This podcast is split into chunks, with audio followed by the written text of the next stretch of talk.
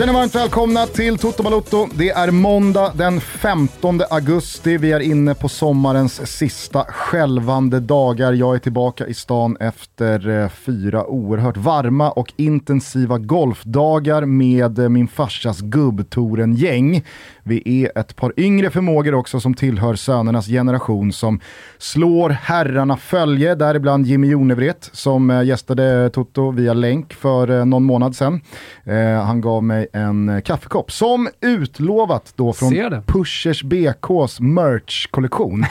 Så den sitter jag här nu och surplar i mig kaffe från. Vackert. Thomas Wilbacher har hunnit bli 43 sen senast vi sågs. Otroligt. Hur firade du? Inte alls. Eh, Jag var ute tidigt på Grimsta B och eh, kollade på flickcup, eh, 12-åringar som spelade. Malmö FF och eh. Bayern och BP och HJK Helsingfors och grejer. Såna Invitational Cup. Det var jävligt kul eh, att vara ute och kolla på. Och eh, sen... eh, Sen så fick du ju en perfekt födelsedagspresent av ditt kära Viola. Ja, nej men precis. Det kan man ju inte säga att man fick av AIK direkt. Fortsätter jag till det jävla dyngdåliga ut liksom. pin. Helt ärligt alltså. Helt ärligt. På, för, Helt på ärligt, förhand grattis så Thomas. köper jag Här, här får du en pinne av Tack. oss. På Värnet förhand hemma. så hade jag ju köpt den pinnen. men, eh, nej, men eh, man kan väl säga att jag får födelsedagspresenten av Rado, målvakten i eh, nykomlingarna Cremonese. Mm. Eh, där blev det alltså seger 3-2 för Fiorentina. Sent in, djupt in på tilläggstid. Jag gillar att säga djupt in när det handlar om tilläggstid. ja, men det var lite helgen ju. Djupt in på tilläggstid kommer att prägla svepet den här veckan som jag har skrivit. Ja, för eh, det är säsongspremiär för eh, Wilbur José-svepen. Mm. Har ändå någonting att vi går in i säsongen 22-23. Ja. Alltså jag förstår att vi, vi, vi satt här i Toto Valutos linda. Då handlade det om säsongen 16-17. Mm. Det känns som evigheter sen. Ja, faktiskt. Då hade jag bara två barn. Ja. Bara en sån sak. Nej, och eh, jag känner ju det när jag har eh, skrivit svepet, sitter här nu och kollar på det. Att du är lite ringrostig. Nej, det vet jag fan. Det får ju eh, som alltid lyssnarna eh, bedöma. Men däremot så ser jag ju att jag är väldigt lång. Ja men kul. Det, det är upp, alltså jag tror så här, att du har, precis som jag hade, en skev bild av att ingen uppskattar snacket kring Bayerns flickor 09. Ja. Visade det sig vara väldigt många som tycker att det är jätteintressant. Eh, så där fick ju jag liksom eh, göra lite avbön och sträcka upp händerna och säga att jaha, ah, okej. Jag trodde att eh, vi var fler i en unison ringhörna som var sluta prata flickor 09. Får jag bara fråga en sak i det där då? För jag vet ju att du är ju kanske bäst i Sverige, kanske bäst i världen på att veta när någonting liksom har sitt slut. Ett skämt eh, till exempel. Ja. Så, kvalvaka, det var ju över. Förmodligen 20 minuter innan matchen var slut så hade kvalvaka dött. 20 minuter in i kvalvaka var kvalvaka över. Exakt, och det hade definitivt inte en till vända i sig uppe i Luleå. Nej.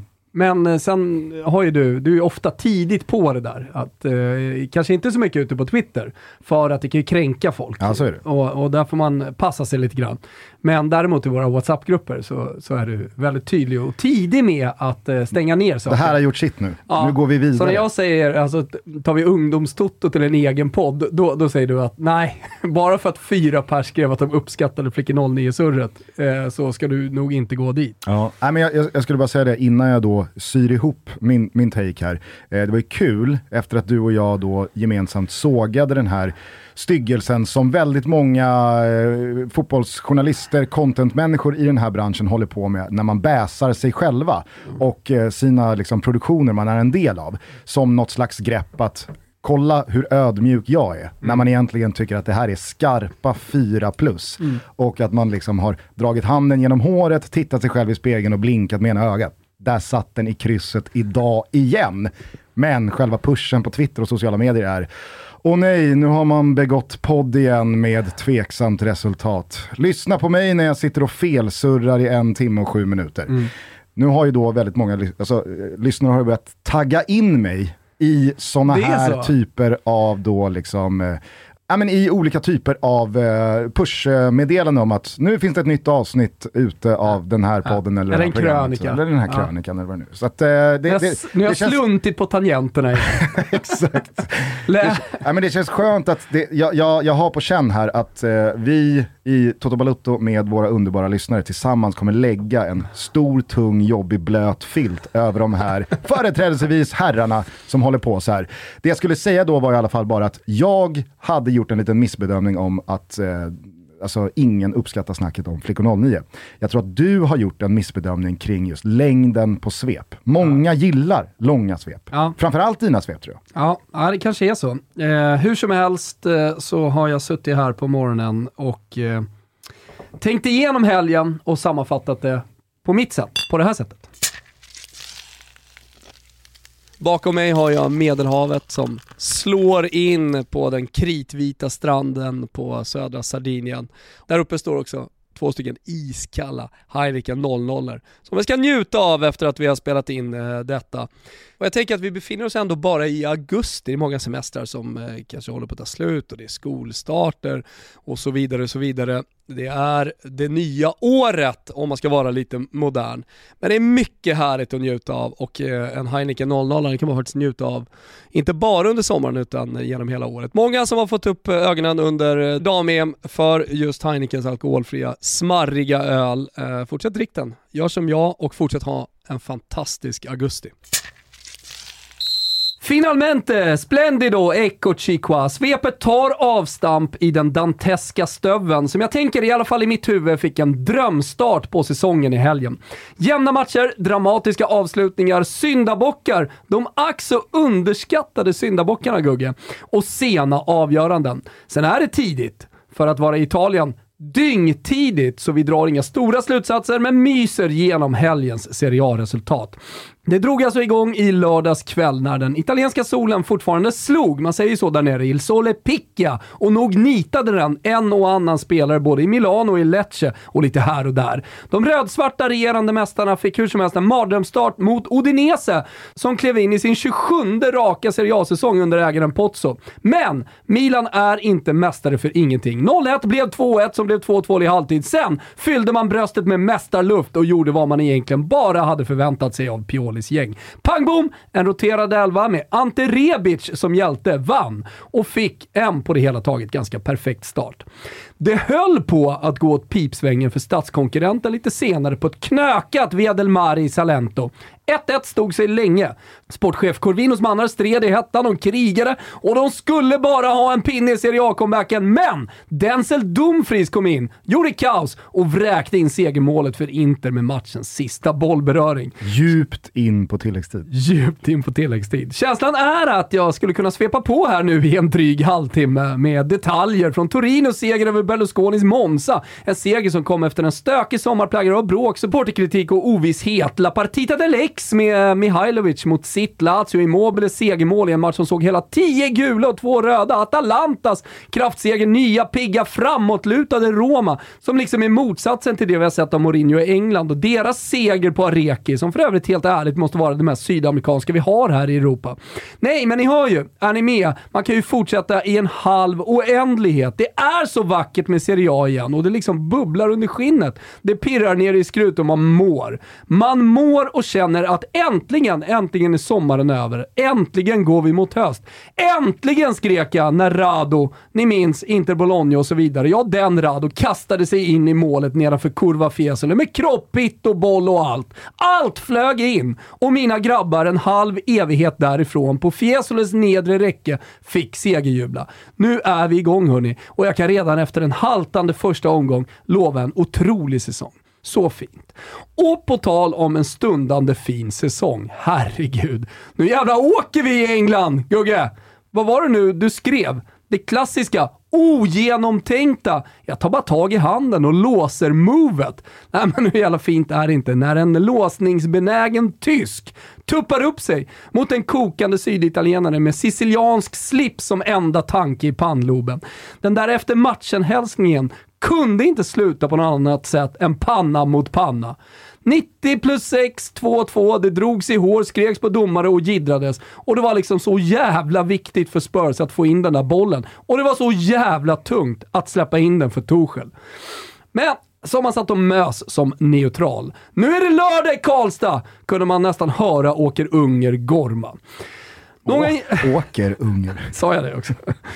Någon jävla lördag är det sannoliken inte i Manchester United-lägret. Det är fucking jävla nattsvart kukmåndag i februari hela veckan. 0-4 mot Bräntan och jag tänker att samtliga inblandade borde fått knalla hem efter matchen lik Game of Thrones-scenen. Ni vet, nakna. Med folkets vrede som spyr över dem. All cred till Pinne, Bonne och resten av danskarna, för visst är alla danskar där borta i Brentford? Men herregud. De kanske borde, ja, de kanske borde duscha uppe i Manchester. Nåja. På andra sidan Manchester vann man med 4-0 utan Haaland-pytsar mot Bournemouth. Nykomlingen Nottingham slog West Ham och nu, ja nu Gugge, kommer väl ändå verkligheten ikapp The Hammers. Va? Och på tal om verklighet, Arsenal! Gabriel Jesus! Fan, är det här Ronaldo den gamla eller vad är det som händer? 2 plus 2, Arsenal flyger. Så här bra har de inte sett ut sen Wengers prime och jag ser fram emot att ha dem i den absoluta toppstriden under hela säsongen. Det känns även som neutral. Jävligt kul faktiskt. Annars i England var det Up the Villa, 2-0-0, Wolves, eh, Fulham och Brighton, Newcastle. Och så löste Leeds och Southampton ett kryss som inte gör någon illa. Ja, jag känner att vi är väldigt långa så det får bli rappt från resten av Europa. Alexander Isak blev mållös, men segrar i La Liga-premiären. Barcelona fick bara 0-0 hemma mot Vallecano, trots Lewandowski registrerad. Och Real Madrid vände och segrade lite krampaktigt mot Almeria. Dock pole position efter första omgången och ni vet alla att det är lite som att vinna första bollen i ett set i tennis. Vi noterar även från Spanien att Villarreal ser kanonfina ut och att Sevilla förlorade och vi nog kommer få se dem vara lite krampaktiga den här säsongen. Gattuso då? Jo då, han vann på Mestalla med sitt Valencia och visst hämtar han även hem det första gula kortet, långt ifrån det sista. I Tyskland ser Bayern slakt bra ut och alla, ja precis alla pratar om Musiala. Han är inte bara the next big thing, han är the thing. Där är det bara att luta sig tillbaka och njuta av showen. Va? Lite som eh, med i Rotenhosen. Ny seger och tätkänning. Nordi Haues Fau. Avslutningsvis har nog många redan sett det, men annars informerar jag hur som helst. Mbappé. Dålig attityd, vidriga signaler som skickas eh, mot resten av truppen och så här tidigt på säsongen. Detta också efter det där overkliga kontraktet. Jag känner att jag snart måste börja hata honom. Och då är det ju tur att världens bästa fotbollsspelare Neymar finns och gör PSG-matcherna till en ren njutning. En Toto Ballon-lista kvar innan själva priset delas ut. Vi klättrar till toppen av subjektivitetstrappan. Äh, men finns det möjlighet? Kom så då Neymar! Kom så! Allt är möjligt! Gud vad härligt och långt och matigt och eh, liksom nedslagsäggande. Mm. Här vill man göra många nedslag. Ja, jag skulle bara vilja reda ut en grej. Mm. För jag fattade inte den där eh, sifferraden du drog i samband med Up the Villa. Det var Up the Villa och 2 och 0-0 och Wolves och hej och uh, Nej, det kanske var lite rörigt om jag ska vara helt ärlig själv. Nej, men jag ville liksom bara så avsluta med vad var det som hände i England. Up the Villa, de vann. Ja. Aston Villa vann. Ja. Noll, och så två stycken 0-0 matcher. Wolves, Fulham, ja. Brighton, Newcastle. Jag tänkte att du körde en sån här eh, resultatrad med segrar, oavgjorda förluster. Nej. 2-0-0 på Villa. Nej, det var Villa liksom... började med att torska.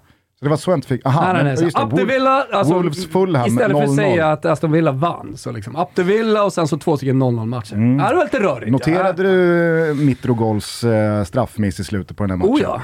Oh ja. Tvivlarna, Alexander Mitrovic. 1-2. För er som har hängt med oss på Twitter alltså.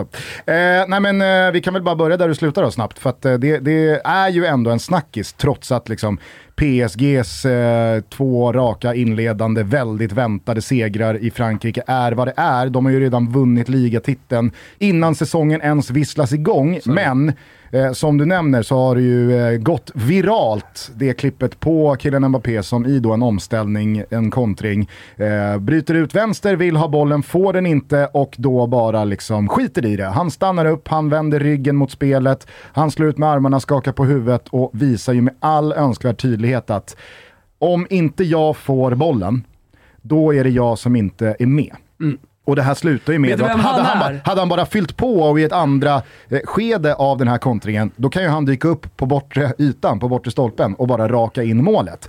Eh, och, och, det här var ju dessutom då en match där Mbappé då missar en straff, PSG får en till straff, Neymar tar bollen, killen Mbappé går fram till Neymar och säger ge mig bollen. Jag är första straffskytt. Neymar säger antagligen, nej men du fick din chans, du brände, mm. och bajta om. Alltså pa pappa är online. Pappa är singel, han är online, nu tänker jag göra mål. Neymar gör mål och det har ju 180 minuter in i den här säsongen redan, alltså det här är ju verkligen ingen överdrift, men alltså, det, det går ju att se för alla som vill titta på. Det har ju skurits. As a person with a very deep voice, I'm hired all the time for advertising campaigns. But a deep voice doesn't sell B2B, and advertising on the wrong platform doesn't sell B2B either. That's why if you're a B2B marketer, you should use LinkedIn ads. LinkedIn has the targeting capabilities to help you reach the world's largest professional audience. That's right. Over 70 million decision makers all in one place. All the big wigs, then medium wigs. Also small wigs who are on the path to becoming big wigs. Okay, that's enough about wigs. LinkedIn ads allows you to focus on getting your B2B message to the right people. So, does that mean you should use ads on LinkedIn instead of hiring me, the man with the deepest voice in the world? Yes. Yes, it does. Get started today and see why LinkedIn is the place to be to be. We'll even give you a $100 credit on your next campaign. Go to linkedin.com slash results to claim your credit. That's linkedin.com slash results. Terms and conditions apply. Mm. Mellan då killen Mbappé och framförallt då eh, firma Messi-Neymar med Neymar i spetsen. Där finns Tung en... firma att gå upp emot. Där, oavsett kontrakt. Där finns en ny tränare som du och jag gillar skarpt för vad han har uträttat hittills i sin karriär. Men Christophe Gattier, det är ingen Thomas Tuchel. Han har inte varit det är här... ingen Carlo Ancelotti, det är ingen Jürgen Klopp eller Pep Guardiola eller José Mourinho. Utan det här är ju en tränare som aldrig har ställts inför att tvingas ryta till mot de absolut bästa spelarna i världen. Men det kommer han behöva göra nu, eller så har han ju redan då visat att jag är inte chef på det här företaget. Det är tydligen en 23-åring. Mm. Nej men eh, Mbappé i den här matchen är ju den här jobbiga jävla polaren som tar med sig bandymålet från vändplan och går hem. Mm. Det, när, det, när, det passar, när, när inte han vill vara med längre? När inte han vill vara med längre, då, då ryker bollen. Så står alla andra polare där, men vad fan! Kom igen nu! Tony! Kom igen nu! kan, han kan mycket väl ha varit den polaren som tog med sig bandymålet. Ja, det är så jävla givmild och generös. Så det vägrar jag tro. Jo, men det, det, han, han kanske också har med sig det från sin barndom, att han var, han var sådär. Han gör rätt riktigt, för sig nu. Han gör rätt för sig nu. I vuxen ålder. Ja, jag har ju en polare som liksom också höll på sådär väldigt mycket när han var liten och, och, och idag eh, jobbar han liksom med, med, mental utveckling och sådana grejer. Okay. Så att det, det, och, och, hjälper väldigt många människor och det, är väldigt liksom, generöst på det sättet. Ja, men vi slår väl fast det då. Tony Bacci var ett riktigt as. Som Rövhål som tog med sig Som barn och tonåring. Nu men, kompenserar han ja, men Håll med. Liksom, ma, ma, mycket har man ju sett på en fotbollsplan, mm. men, men, att, man, att man går hem och inte vill vara med längre. Nej, men det, här, det, alltså, det, det, har man ju faktiskt inte riktigt sett på den här nivån. Det här är bland det värsta man sett faktiskt. Faktiskt. Eh, och, och, och, det är ju en situation som givetvis är ohållbar. Mm. Jag tror dessutom att den är olöslig utan att någonting händer, alltså i form av att någon flyttar på sig. Och det ser jag heller inte ske. Mbappé ska ju givetvis ingenstans. Neymar, han ska ingenstans. Messi ska ingenstans. Eh, Gattier har precis kommit. Luis Campos har precis kommit. Och det, jag menar, han faller ju under samma kategori som Gattier. Verkar superduktig på sitt jobb, men han har ju inte rattat världsklubbar och världsspelare eh, speciellt många år eh, av, av, sitt arbetsliv. Men vi kan ju fortsätta på ungdomsspåret. Alltså om vi ska ta med bandymålet och gå hem, då kan vi också göra som vissa ungdomslag gör. Alltså de sju bästa drar. Och så får de andra vara, vara kvar. Jo men här kommer ju ingen dra. Ja men du vet, här det kan ingen dra. förut så här. Ja men Spångas 97 eh, er vi, vi drar. Drog och spelade Ängby istället eller någonting. Jag tänker att hur många som än menar på att killen Mbappé kanske rent av redan är bättre än både Neymar och Messi, han kanske framförallt är framtiden snarare än vad Neymar och Messi är. Men Neymar och Messi, de kommer ju aldrig gå med på Nej. att de är hierarkiskt underlägsna killen Mbappé. Nej, kommer inte hända. Nej, men det, således har vi ju en ohållbar situation. Ja, exakt. Jag, jag, jag, jag, ser inte någon fredspipa rökas här. Alltså, förmodligen är, ju, är det ju det som kommer hända. Det är i alla fall favorit på att man kommer sätta sig ner. Och, eh, nu höll jag på att säga så här, men det, det är ändå vuxna intelligenta människor. Det är det ju sannerligen inte. Men däremot så tror jag att med de här stora feta kontrakten så här tidigt på säsongen, att man måste röka fredspipa, i alla fall utåt. Eh, och jag menar, PSG kommer vinna väldigt många enkla matcher, precis som man gjorde igår. Och nästa gång så kan. I förrgår, eh, så, så kommer Mbappé svälja stoltheten och ändå spela vidare och springa till den där bortre stolpen. Gattier har ju annars ett drömläge här att rusa upp i evig respekt. Faktiskt. Bänka honom. Bänka honom. Bänka honom två matcher. Ja, här har han ju, som du säger, drömläge. Eh, alltså, då, är det, då, är det mest, då är det världens mest likable tränare. Faktiskt.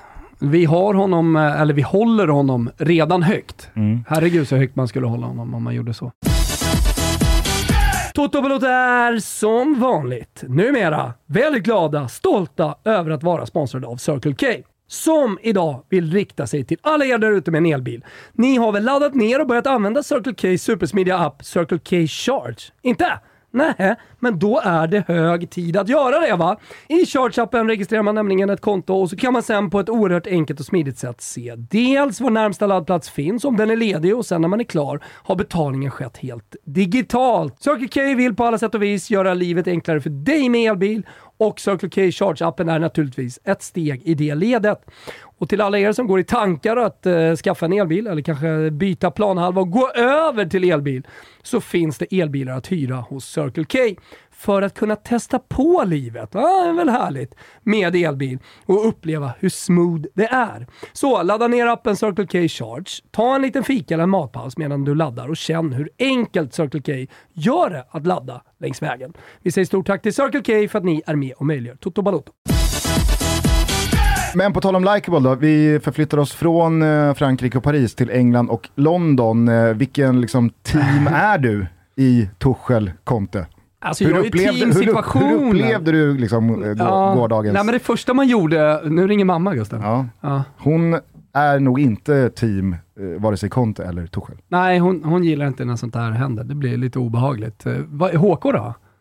Pappa? Eller är ju alltid Han- tyska ja, sidan. han alltså. gillar inte italienare. Nej, framförallt inte Conte-typen. Nej. Eh, så att, eh, nej, eh, så här, jag är teamsituationen. Jag tycker att det är underbart att det händer redan i den andra omgången. Vi visste att det var toppmöte, men det har vi också pratat om i Toto genom åren sedan 16-17, att ibland kan de här toppmötena nästan bli lite så här vänskapsmöten. Och det, det ska vara så jävla liksom, eh, eh, tjena tjena hej hej och krama om varandra efter slutvissla. Och, och, man, man vill ju ha känslorna, man vill ha polemiken. Och så händer det här eh, redan i liksom, eh, omgång två. Så Ja, att jag är framförallt team så- situation, jag tycker det är härligt att det händer. Jag tycker Och- att det är och- jag bara- underbart eh, ja, men så här, hur den här situationen byggs upp med Ja. lillkurret innan Exakt. också. Jag ville då bara fylla på det du säger, att man vill ju känna att den här rivaliteten som supportrarna känner på riktigt också matchas av de aktiva på planen. Och det är ju det som har, framförallt i Premier League de senaste tio åren, urvattnats för varje säsong som har gått. Mm. Det var ju något Manchester-derby här för några år sedan, ett och ett halvt, två år sedan, när då Manchester City och Manchester United spelade bara. Alla är polare efter matchen, alla kramar om varandra, Roy Keane är galen i studion att säga vad fan är det här? Skit i att ni spelar i landslaget ihop, några av er. Så här får det inte se ut från Manchester United-spelarnas håll när man har förlorat med två, tre bollar mot stadsrivalen. Då kan man inte gå och garva och hålla handen för munnen och snicksnacka lite och kramas och byta tröja och allt är bara liksom lugnt. För det blir ju någonstans att man pissar på alla supporterna som dag ut och dag in i hela sina liv känner den här rivaliteten, som tycker att det är viktigt att vinna matcher mot de värsta rivalerna, som tycker att det är helt hemskt att tappa poäng eller förlora mot de värsta rivalerna, då vill man ju att det avspeglas i ens lag. Och det var ju precis det som gjordes igår mellan Chelsea och Tottenham. Och det var ju väldigt många som var på det direkt, att mycket hellre Tuchel Conte mm. än Pep Klopp i att det slickas röv och det skuggboxas och det kramas och det är bara liksom ja, sen, sen är super-bromance. Jo, fast max då så är det någon eh, liten kniv i ryggen som sticks. Ja, men den alltså, är med kärlek. Max. Ja, men i alla fall så är den omlindad av kärlek, men sen så kanske det finns någon sanning i eh, själva äggen. Men, som, som, som ändå kan, någon gång ändå har satts. Liksom. Absolut. Nu ska vi gå in på liksom, fotbollen 2022, verkligen. Den moderna fotbollens dystra baksida. Därför skulle jag vilja fråga dig, för jag tror att du kan eventuellt ha missat det här, men har du sett vad Konto har lagt ut på sin Instagram? Nej, jag har missat det. För, jag ska bara säga det, eh, det, det jag gjorde direkt efter, det, det, var ju att kolla på handslaget. Vem är det som... Det är egentligen två saker med det här handslaget. Vem är det som drar, eller liksom håller kvar, och det har jag förstått är Torshäll. Ja. Det ser ändå inte ut som att Conte är helt oskyldig i att liksom trycka till handen. Och sen så kollar jag och zoomar vem som har starkast grepp. För man förstår ju det som händer direkt efter. Det enda våldet de kan ge, förutom en skalle, och den är nog inte jättelångt borta trots allt, speciellt för Conte det är ju att fortsätta trycka så hårt man kan på handen. Jag försöker liksom hitta en, vin ja, men, jag försöker hitta en vinnare. Men också jobba, jobba fram och tillbaka-draget. det var som jag skrev, det, det är ju så o... Alltså, det är genomtänkt fram till punkten, jag släpper inte. Men Nej. sen så är det ju aldrig någon som i ett sånt läge har tänkt, hur ska det här sluta? Nej men du förstår ju om någon har ett kraftigare handslag, lite större hand och mm. verkligen kan, liksom, kan mosa den andra handen. De har ju vunnit lite i den situationen, ja. för det är, det är, det enda våldet man kan bruka i situationen så att säga, utan ja. att det ska eh, spåra. Det var liksom de två grejerna jag kollade på mest noggrant. Mm. Men jag har miss, eh, direkt efter var det en massa fotbollsmatcher. Ja. Så jag var liksom kastade mig in i, i, i det. Så jag har absolut missat. Nej, men, eh, till då alla er som mot förmodan har missat missat det här så är det ju som Thomas är inne på här. Det är ju kurr och jidder och situationer som eh, är högst diskutabla som leder till både mål men också situationer som borde ha på något sätt beivrats så att mål senare inte kunde falla. Eh, det här leder ju fram till då att när de båda tränarna ska ta i hand efter matchen, som de ändå gör, så sträcker Conte fram handen eh, eh, för ett handslag men vill bara ha det överstökat så att han tittar ju någon annanstans. Det här kan ju Tuchel inte ta. Ögonkontakt. För att han eh, berättar ju om det här då i, i eh, efter matchen-intervjun. Det såg man ju, han När man tar i handen så tittar man också varandra i ögonen. Det är att visa den andra respekt. Så att han låser och vägrar släppa. Conte, alltså, det, det, han blir topptunner. Eh, här, här, flyger ju allt vad topplock heter och så står de bara och drar i varandras händer, bröst mot bröst och Tuchel menar på då med två fingrar mot ögonen att du tittar mig i ögonen när jag tar dig i handen, din lilla jävla spagge. Det är man liksom... Såg det ut när de, eh, när de, när de höll i handen? Hur, hur var det såg ut i dragkampen där? Helt ogenomtänkt. Så. Nej, men, eh, och, och, och, och då tänker man ju, fan vad härligt. Fan vad härligt att det här är liksom eh, 100% äkta känslor på display. Och då vill jag bara fråga dig hur du spontant reagerar på att Antonio Conte, alltså Antonio Conte, lägger upp på Instagram, på sina stories. Alltså det är så här, bear in mind, det är Antonio Conte vi pratar om. Det är inte en 22-årig fotbollsspelare. Mm. Det är inte Erik Sorga som använder sin Instagram till att på något sätt spela upp eller spela ner en situation, utan det är fucking Conte. Han lägger upp då en bild på när Thomas Tuchel springer förbi Antonio Conte när då Chelsea har gjort 2-1 efter den oerhört omdiskuterade kvitteringen till 1-1. Chelsea gör ju då liksom, Eh, poetiskt rättvist 2-1 ganska snabbt in på. Och då drar ju Thomas Tuchel ett riktigt Mourinho-löp ner mot hörnflaggan för att fira med spelarna. Och då springer han förbi Conte som står med ansiktet begravet i händerna och då har Conte lagt ut en freeze frame på det här där han skriver det hade varit kul att eh, fälla krokben för dig och sen tre gråtskratt-emojis. Eh, han bara liksom han bara spelar ner det vi precis har suttit och hyllat och som man älskar. Då blir det ju helt plötsligt bara liksom polare igen. Mm. Så ja, jävla trist, ja, eller? Ja, jag håller med. Jag håller med. fan ska den där storyn ut för? Mm. Ja, det var onödigt. Så jävla ja, onödigt, onödigt alltså. Eh, men annars bara, de här situationerna för situationerna, hur, hur ser du på dem? Alltså, tycker du att till att börja med då, Kai Havertz ska ha frispark eller att målet ska dömas bort för offside. 1-1 målet pratar vi. Mm. Det tycker jag är ganska solklart att det ska. Ja, det tycker jag. Men här går man ju på liksom Anthony Taylors bedömning, för att han ser ju den här tacklingen. Mm.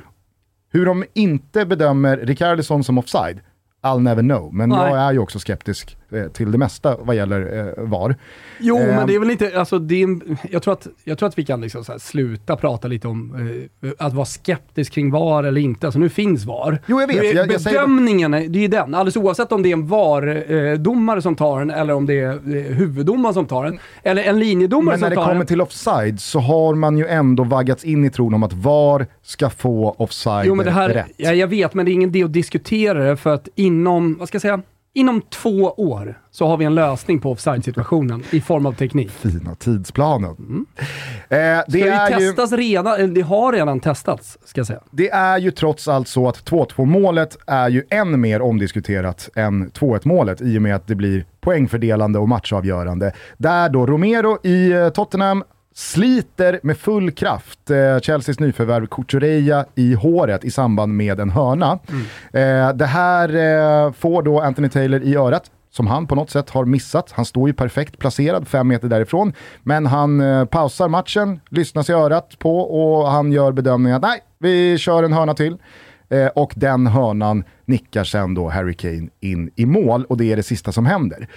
Det var ju väldigt, väldigt upprört i eh, Viasat studio, eller via Play studio med då Bojan Djordjic och inte minst då Fredrik Ljungberg. Aldrig hört, nu har man ju liksom... Han har man- ny man dialekt också, Man har ju noterar jag 2000 eftersom- fler timmar på Bojan Djordjic i tv-rutan än Fredrik Ljungberg, men man har ju aldrig sett eller hört Fredrik Ljungberg vara så upprörd.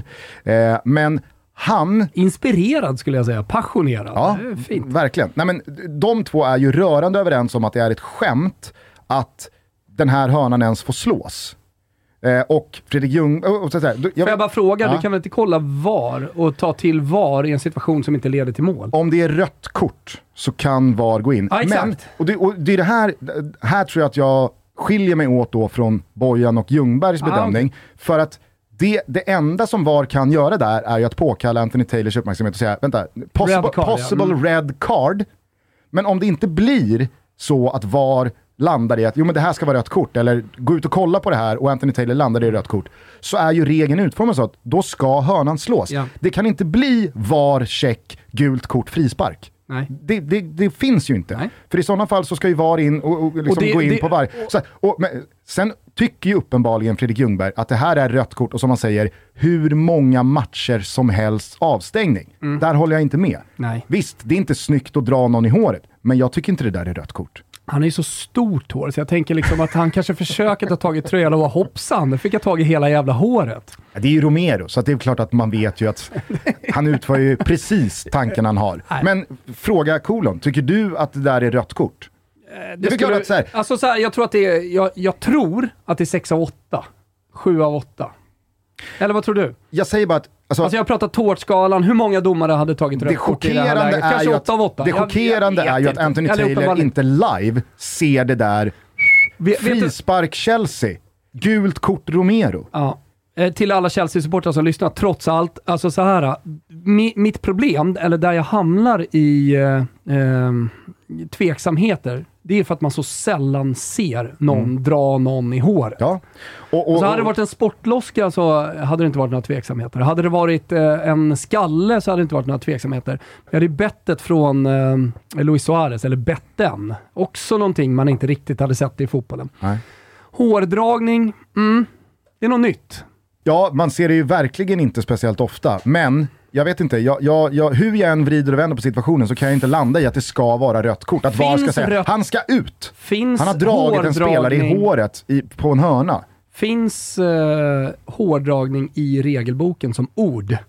Säkert, någonstans. Ja, men, eh, jag tror inte det finns. Nej, kanske inte. Nej, och då men, är det våldet ja. som ska, som ska men jag, eh, jag, bedömas men i jag det här tycker fallet. att väldigt många Och då kan ju missar du och det. jag här och nu, tänker jag Ja. Gusten, då kan ju du och jag här och nu bestämma om eh, hårdragning ska vara som en spottloska, som ett bett, eller som två stycken sträckta dobbar, det vill säga rött kort. Eller om du och jag helt enkelt ska bestämma här nu, om det inte finns i regelboken, om det ska vara gult. Det är mycket grövre än att dra någon Till exempel då, låsa ett handslag, dra fram och tillbaks. Eller liksom, det, det, det kan ju finnas lite mer nacksvingsliknande dueller i Nacksving, samband gult med, kort. ja, ja, men, här, i samband med hörner. Men alltså, det är ju grövre än att dra i andra kroppsdelar, framförallt dra i tröjan, precis som Bojan Djordjic var inne på. Men det är ju inte lika grovt, tycker jag, som eh, spottloska, bett, Okej, så vad skalle. sätter vi då framöver här nu, när det kommer börja dras i håret, eller om det dras, det kommer, nu, ska alla dra varandra i håret. Om man drar i håret, vad är det? Är det gult eller är det rött? Skit i regelboken, bestäm du. Det är gult. Okej. Men då måste ju, eftersom vi alla vet hur VAR är utformade, domaren ta det. För att annars så måste vi göra om VARs bedömning. Och ska VAR gå in och börja plocka gula kort, Nej. i förlängningen Men- börja plocka frisparkar, Men det ska de då inte är vi illa ute. Nej, nej, men det Jag ska de inte och det kommer nej, de och vi inte är ju överens här, för det är ju det väldigt många glömmer här. Jag är ju den, alltså, ja, Chelsea skulle haft frispark, Romero skulle haft gult kort. Jag tycker jättesynd om Chelsea som förlorar två poäng på det här beslutet. Men ser man till hur regeln är utformad så kan inte det bli frispark Chelsea och gult kort. För det måste bli rött kort Romero. Det är den enda, det är den enda möjligheten. Mm. Och det tycker inte Och- och du det att det ska vara. du tycker vara. För att du tycker att hårdragning är gult kort. Ja, Ja. exakt så. Om Men- någon hittar någon text i en eh, domarregelbord får vi vända oss som alla gör nu för tiden till Jonas Erikssons Instagram eh, och se om han kanske har skrivit någonting om det här. Men om det inte är så att det finns en text som eh, beskriver hårdragning och berättar tydligt hur domaren ska agera efter hårdragning, då bestämmer vi här och nu att det är gult kort. Men återigen då, jag tycker verkligen synd om Chelsea för att helvete vad bra de var. Helvete vad de förtjänade att vinna den där matchen. Eh, vi, liksom väldigt många andra, var ju väldigt uppåt på Spurs eh, efter deras premiär. Vi var lite mer skeptiska till Chelsea efter deras premiär. Du lämnade garanti på att Spurs inte skulle torska på Stamford Bridge. Satt ju Enkelt. som berget. Sa jag inte att de Ehm, skulle vinna i och för sig? Men var det inte också ganska tydligt under den här matchen att Chelsea saknar den Lukaku som de trodde att de värvade. Den Timo Werner som de trodde att de värvade. För nu har Timo Werner lämnat, nu har Lukaku lämnat. Kvar har man Kai Havertz, Raheem Sterling, där finns Mason Mount. Men jag ser inte att de spelarna över en hel säsong tillräckligt många gånger dödar matcher. För det är det Chelsea, alltså Chelsea slarvar ju bort en klar seger här. Slarva bort och jag tror Chelsea-supportrarna eh, också tycker att de blev bortdömda. Självklart, men du fattar vad jag menar. Ja, de kan Chel- också lösa detta Chelsea, själv, det ska, trots De ska leda med tre domarna. mål eh, efter 75 minuter om man bara gör mål på chanserna Köper man det. ska göra mål på. Absolut. Och det är det, jag, för att jag, jag, jag, alltså, stor jävla eloge till Thomas Tuchel hur han har liksom satt upp det här laget. Mm. Den fotboll de spelar. Alltså, det är ett passningsspel som är overkligt bra är det stundtals. telepatiskt? Det känns mer systematiskt Okej, ja, men det köper jag. Inarbetat. Det köper jag. Det köper än att det är liksom fri, frirulle. jag. Exakt. Så gör vad ni vill för att ni har sån jävla telepati. Messi, Neymar. det är ingen systematik där. Nej, nej. Det är bara telepati. Och spelförståelse. Men har du en anfallare eller har du anfallare längst fram som behöver fyra lägen för att göra ett mål, då kommer du tappa poäng här. Då kommer, och, och, och så här, de som, jag såg att Bengan Sonnert var ute att liksom så här, Förstår ni nu vad jag menar med att det är helt sjukt att eh, Chelsea undervärderades jämfört med Spurs inför säsongen? Att folk pratar topp 4 Spurs och att Chelsea ska vara utanför. Jag, jag, jag, jag ser ju också klasskillnaden rent spelmässigt. Men, Det är en match. Alltså, Absolut. Det, det Bengasonet måste ta in, det är att det är 36 omgångar kvar och att Spurs också kan se annorlunda ut. Och Chelsea gjorde den premiären som man gjorde. Ja, absolut. Och jag menar bara att skillnaden är ju också, det ska man komma ihåg, över ju inte den 38 här omgångar, matchen. är att Spurs sitter på spelare som Harry Kane och Jung-Min Son, i viss mån också Dejan Kulusevski, som lite ur ingenting kan göra de där två målen. Och så har Spurs sitta de där två, eh, två målen som kommer ge- generera tre poäng. Medan Chelsea, tror jag, fler gånger den här säsongen kommer se ut så här. Vara så uppenbart mycket men- bättre än sina motståndare. Men när domaren blåser av sig, så här, hur fan spelas den här matchen Ja, men jag hade en diskussion med, eh, också på tal om då, eh, spelprofiler, David Neves, vår goda eh, gemensamma vän, kring Manchester City för typ tre år sedan. Efter att de hade, hade de kryssat eller förlorat mot Liverpool och de hade varit vansinnigt bra. Kommer du ihåg den matchen? Eh, och eh, jag liksom drog någon slags poäng på det, medan han menade på att ja, men kolla hur jävla mycket bättre City ser ut i den här matchen. Men inte det alltid i slutändan, ganska sällan faktiskt, som bestämmer vem som kommer eh, ett eller två eller trea i en tabell. Nej. Och eh, med, med Pep Guardiola, i det fallet så drog jag liksom vårkortet. Att eh, ja, men där brukar han gå ner sig lite i mars-april och det kan man förlora titlar på också. Man måste ta in liksom alla de här 38 omgångarna. Och det, det enda då jag skulle vilja säga till Bengan Sonnet, eller till den team Sonnet liksom, i det här läget är att ja, men Tuchel kan se jättebra ut i omgång två mot Chelsea. Men, Eh, jag- mot Spurs. Eh, mot Spurs menar jag såklart. Eh, men men eh, det är 36 omgångar kvar och vi måste ta in liksom, eh, allting, hela den här säsongen i beaktning när vi ska kolla på oddset och inför den här säsongen. Hörni, glöm inte bort, eh, det är måndag visserligen, men för att pigga upp vardagen så börjar man dagen såklart med en iskall Celsius. Eh, Jag eh, rekommenderar alltid citron lime och hallon acai och så vidare. Glöm inte bort den söta, härliga crispy pear. Det är varmt fortfarande. Vi måste läska oss. Vi måste pigga upp oss själva och jag vet att det är väldigt många som har gått till jobbet idag och tycker att det är lite tungt. Det är en lyxstund att knäppa upp den där Celsius-burken och eh, ja, men ta er fem minuter och njut verkligen och känn hur den omfamnar varenda cell i kroppen. Och testa, för ni som inte har gjort det, Crispy Pear. Den är god, den är söt. Jag tänker att den är perfekt när eh, vardagen kallar och eh, man är tillbaka på jobbet. Celsius, en del av en eh, aktiv, hälsosam livsstil och väldigt, väldigt gott och uppiggande. Vi säger stort tack för att ni alltid är med oss i Toto Balotto. Eh, kort bara innan vi lämnar England och Premier League. Eh, Brentford, Manchester United 4-0. Det krävdes eh, inte 90 minuter för det sanslösa resultatet utan typ 34 minuter. Eh, vad, va, va, va tog du in insatsen och kanske framförallt då resultatet med för känslor och tankar? Nej, men jag kollade på den startalvan som Manchester United hade och det var ju några som liksom hade vänt lite inför den här matchen och började liksom tro lite på Manchester United ändå. På en reaktion efter eh, den där första matchen. Och det, var det någonting jag ville se för att eh, ändå ha något slags hopp för Manchester United den här säsongen så var det en prestation. En rea- och eh, reaktion på första eh, premiären. Och jag trodde verkligen att man skulle få se det. Så kanske det skulle bli krysser, att de skulle förlora. Men att det, reaktionen då istället blev att man blev ännu sämre när man eh, åkte till London. Det hade jag inte förväntat mig någonstans. Att jag, var, jag var snudd på chockad eh, sett till hur dåliga Manchester United var. För man kan ju prata om att de har en eh, felviktad trupp, eh, att man har gjort en dålig sommar. Vi pratar om att eh, det är anmärkningsvärt hur desperata man kan vara när man går efter eh, Rabiot två omgångar in i, eh, i Premier League. Att man inte agerat tidigare, och att man inte har hittat större spelare än Rabiot.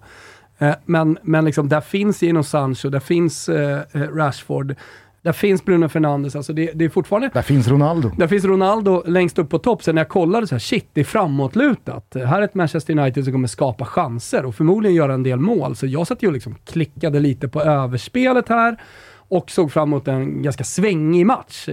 Men eh, ja, det blev helt enkelriktat istället då. Men Öven hittade hem. Jag inte hem i alla fall på ett sätt som jag inte trodde den skulle hitta hem på. Men sen är det väl också lite så att när man eh, efter en premiärförlust hemma mot Brighton ska då kliva ut och ställa skåpet Och reagera. och reagera borta mot Brentford och de Gea släpper in en strumprullare från 30 meter efter 7-8 minuter och man ska spela sig ur ett straffområde, blir av med bollen och det står 2-0 efter 12 minuter.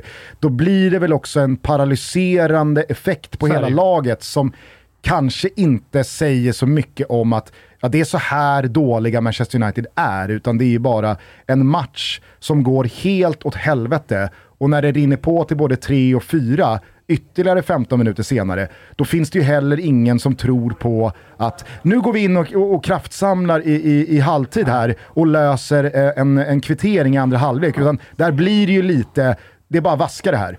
Alltså det, det är pinsamt, det är bedrövligt och det är ingen alls i den här liksom sportsliga organisationen som på något sätt tycker att det här är rimligt. Men det finns inte heller så jävla mycket att göra åt det i andra halvlek. Jag läste också att eh, man gick från en ledig söndag dagen efter till att Ten Hag kallade in spelarna och lät dem springa 13,8 kilometer. Som alltså var den totala sträckan som Brentford sprang mer än Manchester United. Och det var inget move som imponerade på mig. Nej, det är Alltså, det sannerligen inte. Att, att börja liksom köra strafflöp efter omgång två. Ja, Stressat. Stressat Ja, av dess, Hag. dessutom eh, symboliskt strafflöp, att eh, hitta då den sträckan från statistiken. Exakt. Det, det, Det är det populist, blir nästan populistiskt, populistiskt stressat. och, och nästan lite patetiskt. Ja, det, det känns lite som Nottinghams hörnvariant. Mm. Att det är så här, så där kanske man håller på i, i, i division 2. Exakt. Eller i League 2.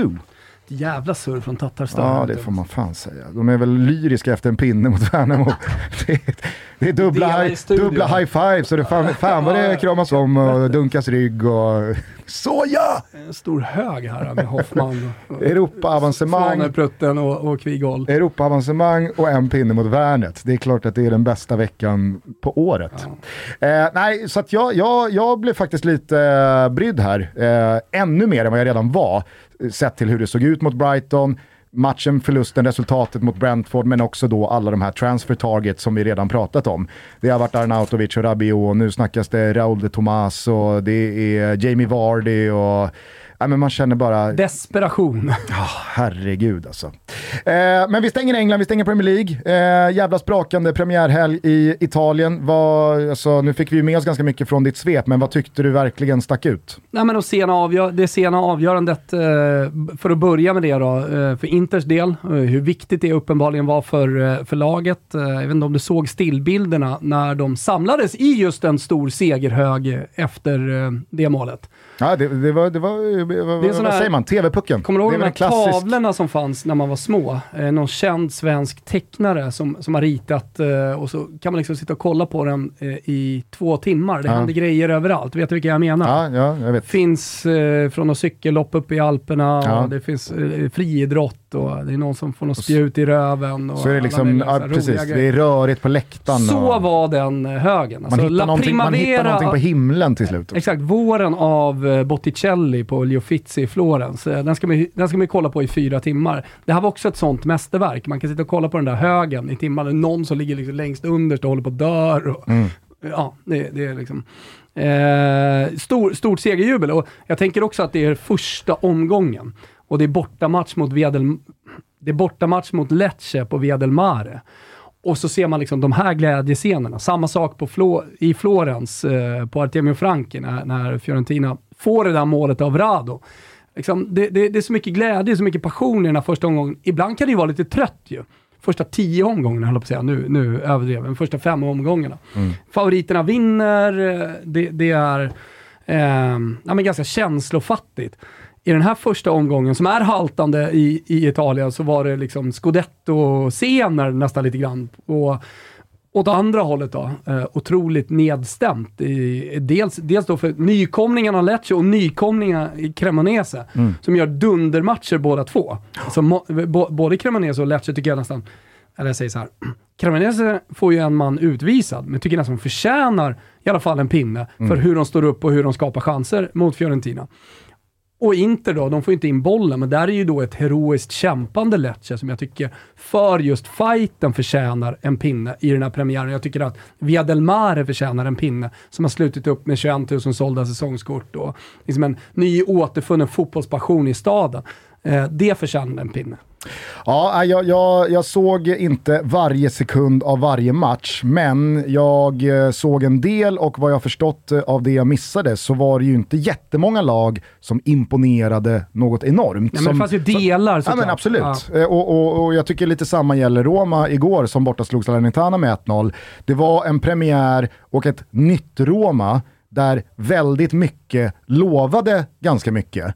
Det var inte på plats än, men man kunde, man kunde se tendenser och det fanns perioder av matchen som var väldigt, väldigt eh, äggande och spännande. Eh, och, och som gjorde en liksom peppad på vad som komma skall. Och att man med en sån känsla dessutom kan lämna Areki då med hållen nolla, tre poäng, ja men gott så. Ja, men för Romas del eh, så var det ju snarare frågan om det skulle bli 2 eller 3-0. Det är klart att en Sagnolo kan ha 1-0 gjort hattrick eh, efter Absolut. 35 minuter Absolut, så, men- så blir det 5-0 istället. Och det jag tar med mig från den matchen, alltså det enda jag tar med mig, det är inte resultatet, utan hur jävla bra Roma ser ut eh, framåt. Sen att eh, Dybala missar två, tre lägen som han normalt sett sätter, att eh, Sagnolo inte får in den där bollen heller. Eh, Alltså nu vart det tre poäng, men man kommer till de där chanserna och det är ju det framåtlutade som jag sa i svepet som jag tycker är intressanta här. det, det, det, går inte att känna igen Mourinho i, i det här eh, Roma-laget. Och det, det, är, det, det är kul att se på Roma. Och det finns en enorm jävla genombrottskraft med Tammy Abraham som får underbetyg, och jag, jag, köper att han får det, men du ser ju samtidigt hur han springer ifrån sina motståndare mm. och hur han skapar lägen. Pellegrini har ju någon konstspark som han försöker få in, någon så här bakvänd bissa. Alltså det, det, det, är nära hela tiden och de, de tar sig dit. Så det, det, det med dem, eh, med, med, Milan som är mästare, att de släpper in ett mål efter fyra minuter, det betyder precis ingenting. Det är att de kommer tillbaka, att de gör mål i den 46 minuten, att, de upp, att Pioli uppenbarligen har haft ett bra snack i omklädningsrummet, att sen att man gör 4-2 och man är nära på att göra 5-2 och sådär också. Det tar jag med mig från, från den premiären. Det, som, det, det, det laget som jag egentligen som mest fram emot att se, det är Juventus som går in ikväll. Mm, Mm, precis. Hur, hur, eh, är det harmoni? Eh, ser de samspelta ut? Jag menar, Max Allegro har ändå varit där eh, under hela fjolårssäsongen, han har kvar stora delar av truppen den har trots allt spetsats. Eh, Vlahovic eh, ska, ska in i bilden igen här nu och går in som favorit till, till skytteligan. Det ska bli sjukt intressant att se. Och som en liten parentes och en disclaimer till att, ja men hur såg Inter ut, hur såg Milan ut, hur såg faktiskt Fiorentina ut? Så säger ju Vincenzo Italiano efter matchen att vi roterade för att den viktiga matchen är mot Twente på torsdag för att vi ska in i konferensen. Milan var helt roterade också och eh, delvis också Inter. Så det, det, det fanns ju sådana delar i den här premiären som man definitivt ska med, ta, ta med sig också. Skräckblandad förtjusning också ikväll. Inte, inte bara Juventus mot Sassuolo utan eh, Napoli kliver in också. Borta ja. mot Hellas Verona. Det blir ju spännande att se vart Spallettis eh, och De Laurentis eh, ljusblå ja, egentligen står. Bortom surret om Napoli och vad de gör och vad de har värvat eller inte värvat framför allt och gjort sig av med så ska det bli så jävla fint att se Kvaratskhelia på kanten. Vad sa du? Kvaratskhelia. Kvaratskhelia. Nej men eh, man, man sitter ju också lite minignuggar att eh, Kim stångar in en jävla hörna. För då vet man ju vilken målgest det blir. Då blir det ju Gangnam style. Det blir Gangnam style, wop, kanske wop, också wop. Bar Uber med uh, Carpe Diem på bröstet. Det vore nästan ännu roligare om han reducerar, alltså säg att Hellas gör 3-0 på Napoli på en timme och sen så reducerar Napoli via Kim då till 3-1. Men han måste ändå köra Gangnam style som målgest. Har inte fingertopparna att så här, det är inte läge nu. Det är inte läge nu att rycka tröjan och köra Gangnam style. Men du vet vilka ord som eh, bara sjunger i skallen på mig inför den här premiären. Det är ju hans gamla italienska tränare från Turkiet-tiden som säger att det kommer nog bli en del kort. han, är tydligen jävligt hård. Ja, vi får väl se hur eh, det slutar i den första Serie A-omgången när det alltså är Hellas Verona mot Napoli och Juventus mot Sassuolo. Det vi i alla fall vet är att ni ser alla matcher från Serie A på Simor så har ni inte skaffat ett abonnemang där så gör det. Där kan man dessutom kolla på La Liga som innehöll eh, seger för Real Madrid sent igår kväll borta mot Almeria. Som du nämnde i svepet så vänder man ett underläge till seger.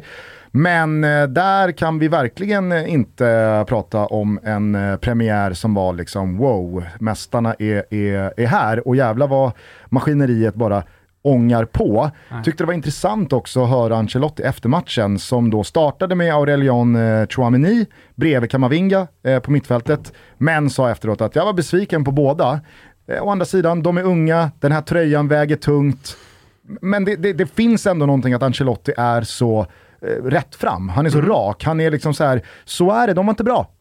Men den här tröjan väger tungt, det var premiär och de ville säkert mycket. Och, mm. alltså, så, här, så jävla befriande att det inte bara är vita längder och skydda ja, dem, utan skydda. det bara är liksom så här, nej jag, jag gillade det. Jag tror att det är enda vägen att gå om du ska spela i Real Madrid. Då, då, då måste du ta en del kritik, dels från tränaren, men sen så om han står och ljuger där och säger något helt annat i omklädningsrummet efter, det är inte Ancelotti. Alltså Don, Don, Don Carlo, han, han är tydlig och han är mm. ärlig. Och han tar nog också tillfället i akt att vara ärlig. För att i Real Madrid, och alla klubbar tror jag i hela världen, eh, så är nog tröjan tyngst. Mm. Jag kan fall inte komma på någon, alltså ja, Bayern München, Juventus kanske. Det känns betydligt gemytligare i Barcelona om man är Gavi och Pedri. Mm. Det känns också som att drar du på dig Bayern Münchens tröja i en ligapremiär i Bundesliga, Jag tror, inte, jag, jag, exakt, jag tror inte du känner samma press för att du vet att du nio gånger av tio kommer det, göra vet första målet, kommer göra andra målet. Det är de här jävla servetterna som man vet kommer viftas med i 53 minuten mot Zaragoza. exakt. Det, det, Vad fan man, buar de åt oss? Man, ja, men man måste lära spelarna att de är det kommer komma. Då är det lika bra att man är tydlig. Är det busvisslingar jag hör när jag har bollen? Det är ändå 3-0. jag har gjort två kassar. Ja, ja. Missa en pass. Eh, de hade såklart eh, kunnat eh, få in något läge och, och vunnit den här matchen, men jag tycker inte Barcelona förtjänade så mycket mer än en pinne mot Rayo. De är ju där och, och gör liksom det de ska, nämligen ligga lågt och ja, försvara den poäng man har. Eh, således så blir det ju en premiär för det här nya Barca som skulle liksom på riktigt utmana Real Madrid om ligatiteln. Herregud, det har gått en match. Jag säger inte att eh, man ska omvärdera Barcelona, men de fick ju inte den starten som jag och många trodde att de skulle Nej. få. Alltså 3-4-0, Lewandowski igång direkt med två pytsar och ett Barcelona där man snarare kände att hur ska Xavi kunna välja Nej. bara 11 spelare? Ja, exakt. Vi, vi pratade ju om det med Pintorp för alla er som har hört vårt införavsnitt av La Liga där. Vilka kommer man registrera? Uh, jag såg sen efter vårt program att uh, Frankesi och en spelare till. Christensen va? Christensen kanske det var. Eh, har möjlighet att lämna för att det finns någon slags klausul om man inte lyckas registrera dem. Hur blev det till slut? Vilka är registrerade och inte registrerade? Vet vi det? Alltså, jag, jag tror att det är någon slags här, temporär registrering. Ah, okay. Så att det... Ja, men det är de här jävla palankas eller ja. eh, palankerna som eh, Pintorp Man blir inte riktigt klok på dem än så länge. Så mm. vi får väl se vad som händer här när fönstret börjar lida ja. mot sitt slut. Ja. Eh, vi kan i alla fall konstatera att det inte var premiären Xavi och Barca ville ha. Eh, Real Sociedad, där var det som att trycka på play. Krampaktigt. Krampaktigt, 1-0. 1-0. Isak Sval. Sval. Inte, inte riktigt nära att göra mål heller. Vi är igång! Ja, Williot Svedberg kanske folk undrar över. Nej, han fick inte spela. Nej. Han satt på bänken däremot, så att han, han var med eh, och har fått känna på en premiär i La Liga i alla fall. Eh, och sen eh, från Serie A missade vi ju, eller Svanemar som fick frågan och skulle ha förberett sig. Jag hade ju givetvis kunnat rätta honom, men Emil Holm till exempel, mm. är klar för spets. Jag också fick hoppa in i den här matchen. Mm. Såg några Toto-lyssnare som var på plats. Hade bra biljetter noterade jag för övrigt där, precis ovanför bänken. Bra. Fick komma in. Albin Ekdal hoppade in också för, för, för Spezia. Mm. Eh, inget inhopp för vår eh, svensk i Fölkeling. Vad heter han? Fölkeling? Ja, vad heter han? han heter väl precis det? Ja, i Lecce. Ja. Som eh, sprutar in mål i Romas eh, Primavera. Eh, klar för Lecce som sagt, eh, varvad av den store Corvino. Eh, ingen speltid mot Roma för hans del. Eh, tre matcher avslutar eh, den första La Liga-omgången ikväll. 19.30 så är det Getafe, som Pintorp menade på, eh, gjorde kanske sommars bästa fönster av de spanska Roma. lagen. Ingen speltid för honom mot Inter den här gången. Tre matcher avslutar den eh, spanska La Liga-premiären. 19.30 eh, så är det Getafe mot Atletico Madrid. Getafe som Pintor menade på gjorde ett av sommarens allra bästa fönster och så Atletico Madrid då som vi inte tror på men som vi har lärt oss man aldrig kan räkna bort. Eh, blir det Mattias Kunjas säsong? Ja, Pintorp trodde i alla fall det. Vi får väl se vart de rödvitrandiga står. Är det någonting från den eh, svenska helgen som eh, ändå ska förtjäna lite speltid, eller hur, hur tänker du? Nej, men alltså det jag tror blev lite en, eh, av en snackis igår när man satt där med multipla skärmar. Eh, det var ju ändå Kalmars comeback i matchen mot Djurgården. Alltså de hade, de hade ju avgjort det. Jag tror också Djurgården som har spelat mycket ute i Europa, det har varit tajt spelschema på slutet, ändå försökt energisamla lite. Och leder man med 3-0 så är det väl lätt hänt att det kommer in en 3-1. Men när 3-2 kom och all den övertid som mm. lades på, lades på, då, då kändes det ändå lite skakigt. Och det är ju inte liksom, egentligen inte något negativt mot Djurgården. Det är ju starkt att kunna lida och kunna ändå ta de där tre poängen. Men äh, det, det, det, blev liv i alla fall på Tele2 i matchen. Nu har ju inte Elfsborg vunnit ihjäl sig i Allsvenskan den här sommaren, men ändå starkt eh, av Peking att ta en pinne eh, med nya tränaren, nya danska tränaren. Eh, att man ändå får den direkt. Nu det har ju liksom, inte. Nu har ju inte Norrköping så jävla mycket att spela för rent tabellmässigt återstoden av den här säsongen. Man kommer inte dras in i någon bottenstrid. Man har absolut ingenting med toppstriden och Europaplatsen att göra. Så det blir väl lite att bygga inför framtiden och inventera truppen och analysera vad som måste in och vad som kanske ska få lämna och så vidare. Men eh, det, det, var i alla fall en bra start för nya danska tränaren. Eh, I övrigt så tycker jag att eh, det, det, var ganska, eh, ja men det, det, var, det var återigen en allsvensk omgång som inte bjöd på speciellt många utropstecken åt något håll. Lite, lite i den fasen av allsvenskan just nu. Det brukar vara så när eh, ligorna i Europa eh, drar igång. Jag tror att du känner det själv också, att man skiftar lite fokus. Och så är det väldigt mycket Europa som mm. Eh, är prioritet när man sitter och kollar på matcherna. Eh, och att allsvenskan hamnar lite i skymundan och sen så hettar det till igen när det är sju, åtta omgångar kvar. Mm, eller precis. någonting händer i ett derby eller sådär. Men annars är det lilla lunket här nu kommande månad. Ja, det är dessutom en allsvenska som också präglas en hel del av att topplagen parallellkvalar ut till Europa Fokus också. Fokus ligger där. Så att, mm. Mm. Eh, vi får väl se hur det går för AIK, Djurgården och Malmö FF i deras fortsatta jakt här på Europaspel till hösten i respektive gruppspelsfas.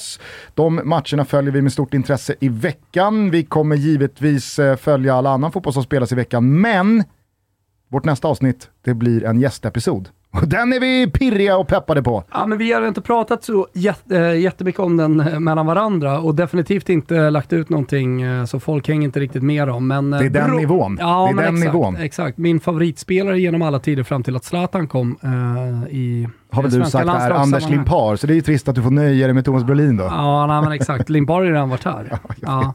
Nej, men Brollan är ju någonting annat. Han var ju framförallt någonting annat när han kom. Han spelade en fotboll som man inte hade sett en svensk fotbollsspelare göra tidigare. Ja. Uh, och uh, nej, sättet han vann i alla fall mitt hjärta uh, lite 92, men sen framförallt 1994 och när han gick till Parma. Och fortsatte att spela Fantasista-bollen i Italien i ett land där, ja, men där det kryllade då, eh, fortfarande också skulle man kunna säga, men framförallt på den tiden, av de bästa fantasister i världen. Alltså nummer 10-positionen på trekvarten, eh, där man kan röra sig lite fritt och göra precis lite vad man vill. Där hamnade han i Tommy Svenssons landslag och eh, nej, men jag älskar honom precis på alla sätt. Ja, det ska bli enormt eh, roligt och kittlande att prata med Thomas Brolin om Thomas Brolin och mm. hans karriär. Eh, det här avsnittet hör ni alltså på torsdag.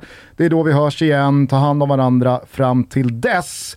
Fan vet om vi inte ska avsluta den här episoden med någon eh, god Uggla-låt. Är det så? Ja. Var det något speciellt du tänkte på? Nej, jag fick bara ett sms av vår gode vän Anton Elin i morse och sa är det inte dags att avsluta med en Uggla-låt i Toto? Ja. Det var länge sedan. Jag lyssnar på Anton. Kim får välja fritt. Ja, härligt. Bra, hörni, eh, vi hörs snart igen. Ciao tutti. Ciao tutti.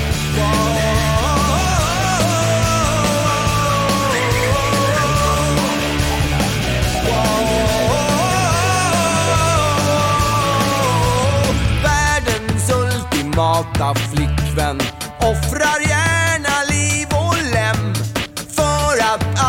Var på pricken i vårt underbara hem.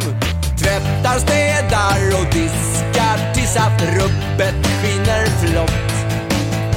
Att du gör precis allt lika glatt ändrar inte nåt.